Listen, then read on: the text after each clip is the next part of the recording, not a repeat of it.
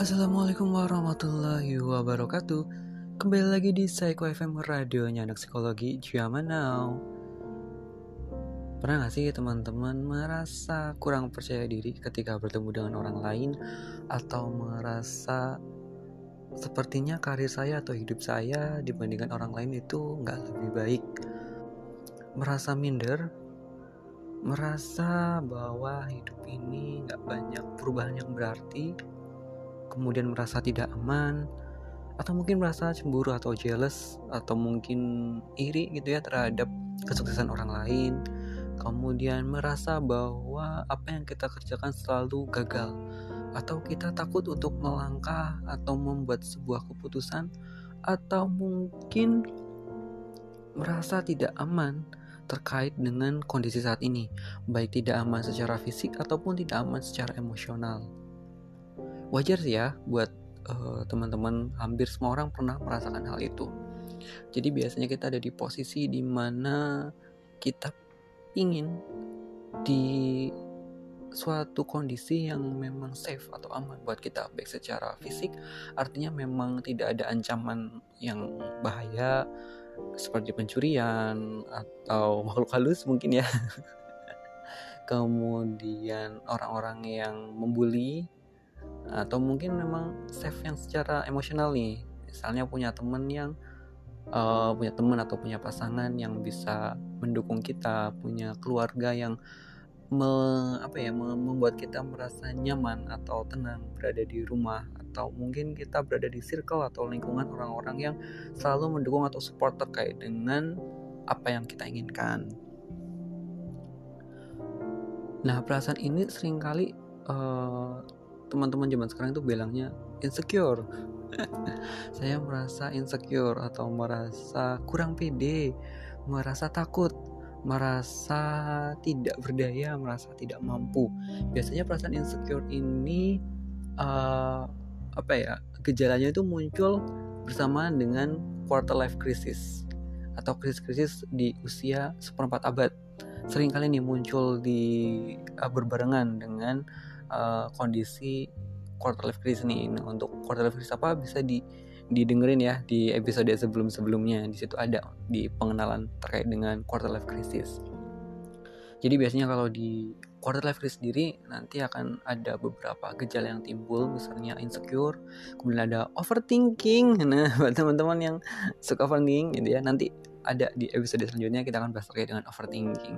Kemudian uh, selain itu ada yang namanya uh, kebingungan identitas belum belum belum tahu mau seperti apa. Nah, itu kaitannya erat nih dengan insecure. Jadi, biasanya juga orang-orang yang belum punya tujuan, belum bisa menilai dirinya sendiri, belum tahu arahnya mau ke mana, tujuan hidupnya apa, itu uh, menjadi suatu apa ya, semacam sindrom, eh, bukan sindrom ya, uh, seperti kompleksitas apa ya, gejala seperti itu. Jadi, uh, menyatu. Itu padahal masing-masing gejala masing-masing kondisi ini berbeda sebenarnya. Tapi uh, sering kali uh, berbaur gitu menjadi satu. Banyak hal sih terkait dengan uh, insecure. Biasanya orang-orang insecure ini terjadi uh, karena punya trauma atau masa lalu yang uh, buruk yang kurang baik misalnya terjadinya penolakan. Bukan ditolak cintanya ya atau ditolak. Nggak nggak jadi pacaran gitu ya aku suka kamu terus ditolak gitu nggak. Penolakan itu lebih kayak uh, misalnya paling simpel tuh di keluarga. Biasanya ada uh, orang tua yang tidak mengakui anaknya atau tidak diurusin oleh keluarganya. Atau mungkin mohon maaf kita ada uh, kondisi uh, ya cacat secara fisik hingga akhirnya orang terdekat kita orang tua atau mungkin keluarga lainnya uh, tidak mengakui keberadaan kita. Nah, itu bisa jadi atau mungkin uh, misalnya orang tuanya pengennya anak laki-laki atau perempuan, tetapi uh, kita lahir apa ya?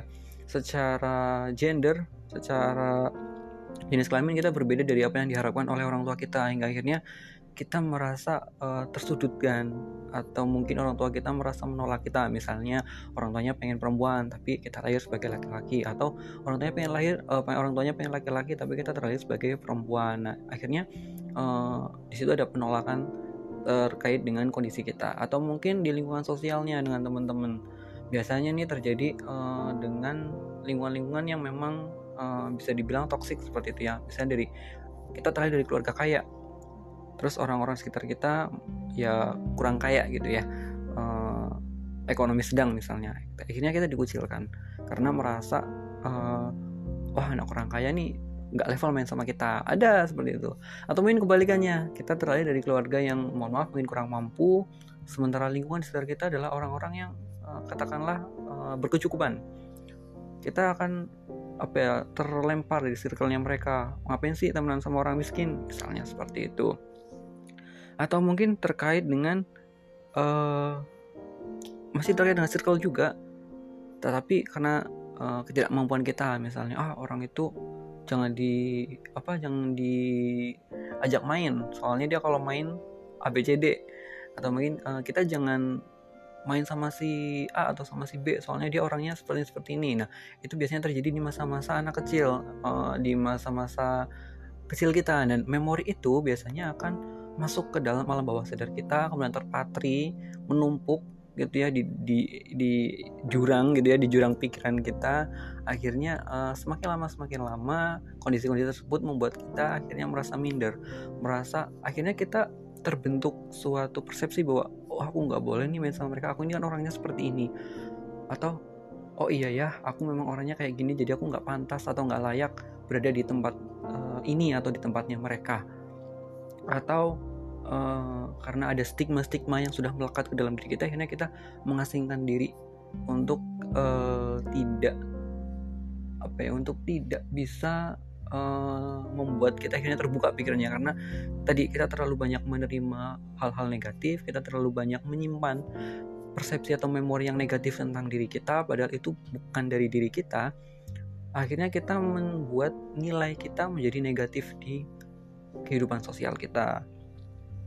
Selain dengan selain terjadinya dengan penolakan tadi, biasanya juga uh, kita dapat cap ah tadi ya stigma tadi. Kita dapat uh, apa ya? nilai yang nggak baik juga dari lingkungan sekitar kita. Misalnya ya tadi kita sering mungkin karena kita tadi uh, jadi dari karena kita di lingkungan sosialnya sering ditolak gitu ya sering nggak ada yang mau main sama kita akhirnya kita menyendiri. Di rumah lebih seneng main HP lebih seneng sendirian rebahan. Tetapi dengan kita rebahan seperti itu orang-orang akan kembali menilai kita bahwa wah si A itu sukanya rebahan mulu nggak produktivitas uh, nggak produktif gitu ya. Nggak produktif nggak mau kerja. Dia uh, antisosial sukanya menyendiri dan segala macam bla bla bla gitu ya. Semua omongan negatif jadi satu. Jadi padahal mereka sendiri yang menciptakan kondisi untuk kita tidak bisa bergaul di circle-nya mereka, begitu kita mendapatkan apa ya? Kita memutuskan untuk menyendiri, kita dapat penilaian lagi dari dari orang lain gitu. Kejam ya. Jadi mereka yang menciptakan kondisi seperti itu, begitu kita ada di posisi yang seperti itu, kita masih disalahkan lagi. Kadang ya orang lain memang nggak bisa apa ya, nggak bisa berfik eh, nggak uh, bisa introspeksi gitu. Padahal mereka yang menyebabkan keadaan ini.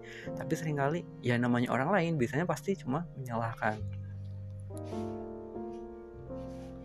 Kemudian selain daripada itu biasanya juga uh, ini kalau faktor dari orang lain ya faktor dari luar. Biasanya kita sendiri juga punya faktor uh, pembawa. Kita biasanya pengen lebih sempurna daripada orang lain pengen perfect. Selalu pengen lebih baik daripada orang lain. Jadi walaupun kita udah melakukan yang terbaik kita udah orang-orang orang lain itu menilai bahwa ya kita sudah cukup. Kita sudah katakanlah sudah sempurna. Tetapi kitanya masih merasa kurang bahwa aku masih pengen lebih baik lagi. Aku masih pengen pengen sesuatu hal yang uh, lebih perfect lagi gitu. Atau mungkin aku nggak mau orang lain ada yang menyamai saya. Orang lain nggak mau ada yang menyamai aku. Aku nggak mau ada orang lain yang ikut seperti aku akhirnya dengan pola pikir kita yang seperti itu kita akan merasa kurang terus. Padahal kita katakanlah sudah ranking satu nilai sudah 10 semua. Begitu kita dapat satu nilai 9 itu rasanya kita nggak nyaman. Rasanya bahwa kok aku cuma dapat nilai 9 aku harus dapat nilai 10 akhirnya kita ulang lagi. Remedi gitu ya. Aku mau remedi. Aku mau nilai aku harus 10 nah itu bisa jadi. Jadi dari faktornya kita. Jadi apa ya kita kurang menyadari bahwa sebenarnya kita sudah di atasnya orang lain sudah di atas rata-rata. Tetapi kita masih merasa aku harus lebih harus sempurna harus perfect di mata orang lain. Jadi akhirnya kita terpicu untuk merasa bahwa aku kalau pokoknya nggak dapet segitu nggak dapet 100 nggak dapet full nggak sempurna itu ada yang kurang ada yang gagal di dalam diri saya. Seperti itu. Nah bahaya nggak sih sebenarnya insecure ini pasti suatu kondisi yang katakanlah negatif cukup berbahaya buat kita. Berbahayanya bukan yang membunuh atau segala macam. Berbahayanya lebih kepada kita yang akhirnya kurang bisa untuk uh, berbaur atau kurang bisa untuk uh, produktif. Kejam masih kita yang jadi korban tapi kita juga yang dituntut untuk menyelesaikan masalahnya. Ya memang seperti itu. Apa ya? Ya hidup kita memang ya seperti itu gitu. Kita nggak bisa uh, me memelas atau memohon belas kasih terhadap lingkungan untuk membuat kita kuat atau tangguh. Justru dengan kita merasa insecure itu kita harus punya kekuatan untuk membuktikan kepada orang-orang bahwa saya bisa melampaui orang lain. Beberapa uh, resiko yang biasanya terjadi sama orang-orang yang uh, merasa insecure secara terus menerus itu lama kelamaan kita akan depresi. Karena ya apa ya kita nggak bisa untuk uh, apa ya untuk berada di posisi yang ideal. Apalagi kalau lingkungan benar-benar kurang membantu atau lingkungannya sangat-sangat toksik kita adalah korban. Korban korban keadaan.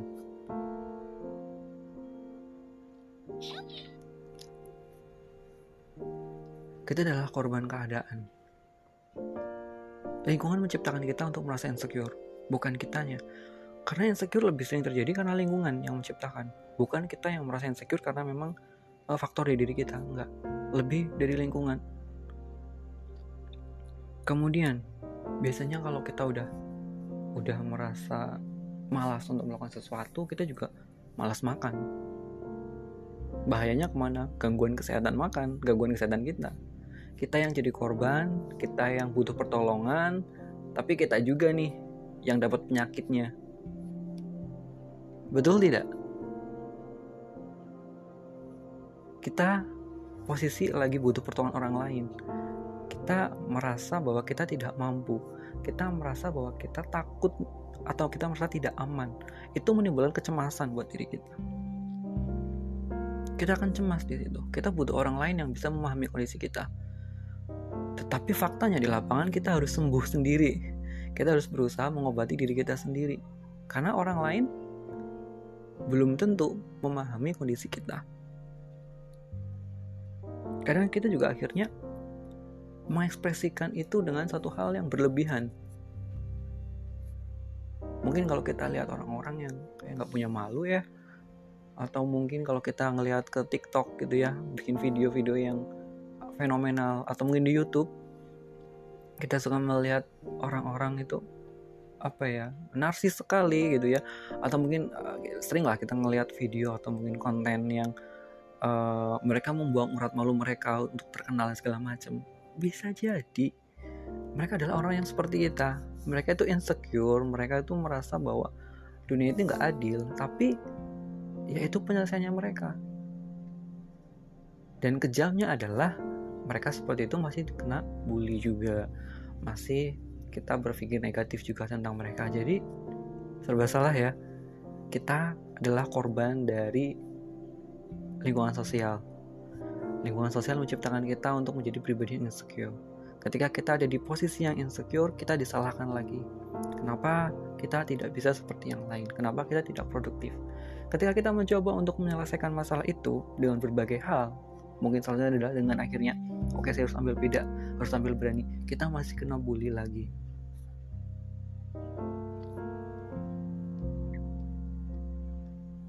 betul tidak kejam ya dunia memang kejam. Tapi ya seperti itulah proses pendewasaan. Tetap berterima kasih dengan keadaan. Karena apa? Mereka tidak merasakan apa yang kita rasakan. Itu akan menjadi bekal kekuatan kita ketika kita menghadapi suatu masalah yang sulit. Ketika suatu saat nanti kita mengalami kondisi yang benar-benar menyulitkan atau masalah besar dan orang lain yang mungkin tidak pernah merasa insecure juga mengalami hal yang sama kita akan punya apa ya punya ketahanan mental. Karena kita sudah terbiasa di posisi bawah. Ketika kita mengalami satu masalah kita sudah biasa. Oh udah biasa dengan masalah seperti itu. Oh saya tahu nanti penyelesaiannya seperti ini. Itu akan membuat kita semakin kuat untuk menghadapi kenyataan dan realitas saat ini. Berbeda dengan orang-orang yang mungkin hidupnya sempurna dari awal. Pengen apa aja keturutan.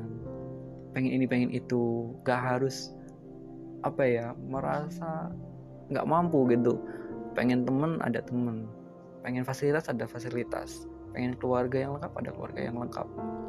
Tapi kita yang katakanlah kekurangan kita akan lebih kuat dibanding dengan mereka-mereka yang tadi yang tidak pernah apa ya memiliki kekurangan. Ketika ada masalah mereka akan jauh lebih down atau jauh lebih drop. Tapi kita yang sudah terbiasa menghadapi masalah, kita lebih strong, kita lebih kuat, kita lebih bisa menghadapi setiap tantangan-tantangan yang ada. Terus gimana biar kita nggak merasa insecure lagi, tetapi kita juga uh, tetap bisa apa ya produktif, tetap bisa berpikir jernih gitu ya. Tetap bisa mengambil suatu uh, apa sih namanya kesempatan yang bisa membuat orang lain itu akhirnya uh, me, apa ya menghargai keberadaan kita atau seenggaknya untuk diri kita sendiri lah bagaimana caranya kita lepas dari uh, apa ya dari rasa insecure jadi terlepas dari rasa takut atau dari rasa cemas atau dari rasa yang nggak mampu. Yang pertama, coba kita untuk tepis pikiran negatif dulu. Jadi kalau ada yang dari awal ya saya bilang kita cenderung berpikir untuk negatif karena orang-orang lain juga uh, membuat penilaian negatif tentang diri kita. Nah, ketika kita ada di posisi yang seperti itu, kita harus ingat bahwa kita punya sisi positif. Kita lebih tahu diri kita kita lebih hebat daripada yang orang lain pikirkan tentang kita. Kita punya banyak hal-hal yang bisa kita banggakan yang gak orang lain tahu. Nah, kita harus cari tahu apa itu yang membuat kita berbeda dari orang lain dan itu adalah hal yang membanggakan untuk diri kita. Jadi kalau misalnya orang sudah berpikir negatif tentang diri kita, ya sudah, mereka berpikir tentang kita negatif, kita tidak perlu menjelaskan kepada mereka bahwa saya tidak seperti itu. Yang penting kita tahu bahwa kita tidak seperti itu. Cukup uh, kita pahami bahwa ya kita nggak seperti itu. Atau kalau kita lagi posisi lagi sekarang merasa bahwa nggak. Apa ya merasa bahwa kita lagi di bawah tetap ingat bahwa kita punya uh, suatu hal yang bisa kita banggakan. Jangan pernah dengerin omongan orang lain yang merugikan diri kita. Selalu ingat apa yang orang lain katakan yang bisa membangun kita. Kemudian cobalah kita untuk me, apa namanya menganalisa keadaan menganalisa kondisi kita yang sebenarnya karena apa? Merasa mindernya karena apa? Kita punya hal yang bisa kita banggakan untuk melawan itu semua. Misalnya kita nggak punya teman atau mungkin teman kita sosialnya terlalu tinggi gitu ya. Kita jadinya minder mau bergabung atau mau membaur dengan orang-orang yang kasta tinggi. Kita punya kita bisa cari komunitas atau eh, kelompok-kelompok uh, yang bisa menerima kita. Misalnya uh, grup-grup sukarelawan atau mungkin grup-grup yang terkait dengan apa namanya eh, bantuan-bantuan sosial itu banyak bertebaran di mana-mana. Ada di Facebook ada di Telegram ada di Line di media sosial mana pun banyak. Kita bisa gabung ke mereka. Kita coba cari orang-orang yang punya satu frekuensi atau satu pemikiran dengan kita yang bisa menghargai pendapat kita yang bisa menerima kekurangan kita seperti apa. Kita cari sistem kita cari support sistemnya support system yang bisa membuat kita lebih mandiri lagi. Support system yang benar-benar bisa membuat kita berdaya atau punya kekuatan untuk berdiri di atas kaki kita. Support system bisa lewat grup tadi atau mungkin kita cari orang-orang terdekat yang memang benar-benar memahami kondisi kita yang mengerti kita. Nah kita bisa uh, sharing atau berbagi dengan sahabat kita, dengan orang yang kita sayang, dengan keluarga, dengan pasangan dan lain sebagainya. Kemudian coba untuk lebih menghargai diri sendiri. Kita itu unik, setiap manusia itu unik. Oke, mereka seperti itu, ya kita pahami saja. Oke, orang-orang lain menganggap saya tidak mampu atau memandang saya negatif, ya itu hak mereka. Yang penting saya tidak pernah memandang negatif tentang diri saya. Karena saya tahu bahwa saya punya banyak hal yang positif yang bisa saya sebarkan ke orang lain. Dan kita coba berusaha untuk meringankan beban orang yang ada di posisi kita juga gitu ya. Jadi ya kalau kita ada di posisi yang bawah, kemudian ada teman yang di posisi yang bawah juga, sebisa mungkin kita uh, caring and sharing terhadap uh, apa ya kondisinya mereka. Ketika kita berusaha untuk menyelesaikan masalah orang lain secara nggak langsung, biasanya kita juga menyelesaikan masalah diri kita sendiri.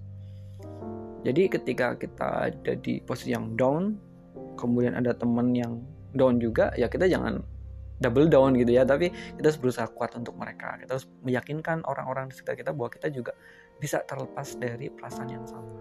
Jadi jadi apa perasaan-perasaan yang tadinya kita apa ya negatif nggak mampu perasaan-perasaan yang membuat kita uh, pikiran kita merasa bahwa saya tidak bisa melakukan itu dengan kita melihat orang yang lebih down atau lebih di bawah kita kita kan apa ya seenggaknya ada rasa bersyukur bahwa oh ternyata masalahku cuma sampai di sini dan orang lain lebih berat daripada itu. Jadi saya harus meringankan beban orang. Dengan begitu kita juga ikut meringankan beban diri kita sendiri. Biasanya kita akan menemukan insight atau menemukan sebuah pencerahan ketika kita berusaha untuk uh, menyemangati orang kita juga oh iya ya ternyata seperti ini oh aku juga harus seperti ini. Nah mungkin teman-teman sering merasakan seperti itu. Jadi ketika kita berusaha ketika kita mendengarkan orang yang punya masalah kemudian kita mencoba untuk memberikan solusinya walaupun kita juga belum tahu ya solusi untuk diri kita sendiri itu apa tapi dengan kita mencoba untuk memberi solusi ke orang lain biasanya kita oh iya ya ternyata solusinya seperti itu berarti aku juga harus melakukan hal yang sama. Dan memang uh, insecure ini susah ya untuk dihilangkan. Kalau ngomong doang mah gampang. Lu bacot doang mah gampang. Semua orang juga bisa. Betul. Betul sekali. Karena hal yang paling gampang dicoba adalah omongan. Tapi bukan berarti nggak bisa dihilangkan. Perasaan insecure itu bisa dihilangkan. Yang penting kita harus sabar mencoba untuk menerima dulu keadaan dan kondisi kita. Kemudian uh, kita berusaha pelan-pelan untuk menghilangkan itu semua. Susah? Ya, susah. Apalagi kalau kita sendirian. Makanya kita harus cari support system yang memang bisa mengerti atau memahami kondisi kita. Yang tidak mudah menjudge atau menilai kita. Misalnya nih kita ngeluh atau mungkin kita posting satu hal di media sosial. Kemudian ada orang yang melihat atau ada orang yang mendengarkan atau yang kita ajak curhat terus dia langsung Allah gitu aja ini. Allah kamu gini. Stop sharing dengan orang-orang yang seperti itu. Karena itu akan menambah kita lebih down lagi. Tapi kita coba sharing dengan orang-orang yang memang memahami kondisi kita. Orang-orang yang sabar mendengarkan ocehan-ocehan kita. Tapi bukan berarti kita juga akhirnya nggak berusaha untuk memperbaiki diri. Jangan hanya karena kita sudah memiliki orang-orang yang mau menerima kondisi kita kita akhirnya jadi oh ya udah. Dia menerima aku atau dia memahami kondisi aku. Tapi akhirnya kita malah nggak berkembang. Kita nggak berusaha untuk memperbaiki, memperbaiki diri. Kita harus berusaha memperbaiki diri juga. Jadi jangan menyerah. Ayo kita sama-sama memperbaiki diri. Ayo kita sama-sama berkembang menjadi pribadi yang lebih baik lagi. Cari support system. Kenali diri kita lebih baik lagi, apa yang membuat kita insecure, apa yang membuat kita merasa tidak nyaman. Cari tahu kekuatan kita. Mari kita berjuang bersama-sama. Oke? Okay?